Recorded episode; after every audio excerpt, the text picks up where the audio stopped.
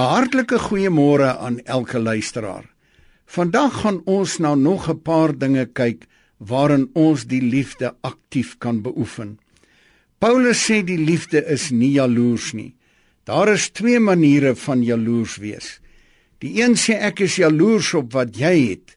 Ek gee nie juis om dat jy dit het nie, maar ek wil ten alle koste dit hê wat jy het. Die ander een sê ek wil dit nie so seer vir myself hê nie, maar ek wil glad nie hê jy moet dit hê nie. Omdat die liefde nie kompeterend of besitlik is nie, albei aspekte van die jaloesie, kan die liefde altyd die beste vir 'n ander gun. In die liefde kan die een gelowige hom werklik verbly in iemand anders se vooruitgang en verbly hy hom nie net daarin nie, maar soek hy eintlik aktief om iemand anders se vooruitgang te bevorder. Kyk vandag om jou of daar nie iemand is wie se vooruitgang jy op enige manier kan bevorder nie. Die wêreld is nie so nie. Daar stoei elkeen maar net om bo uit te kom, al is dit ook ten koste van iemand anders. Omdat die liefde nie jaloers of afgunstig is nie, spog die liefde ook nie.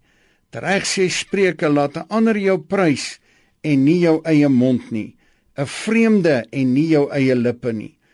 Die liefde spog nooit maar nooit oor wat hy bereik het of oor wat hy besit nie, omdat hy weet dat dit alles net genade is wat uit die hand van die Here kom.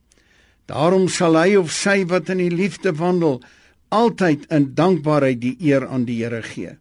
Jakobus sê tereg dat elke goeie gawe van bo af kom.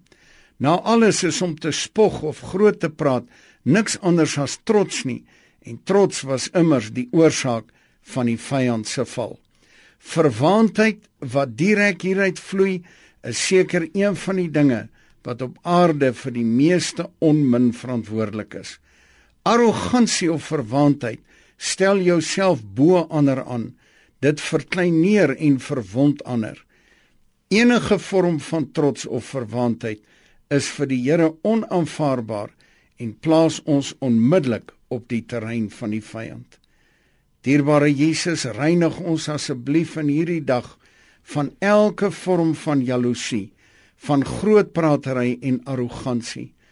Laat ons soos U lief hê en die beste vir ons naaste begeer in nederigheid en sagmoedigheid.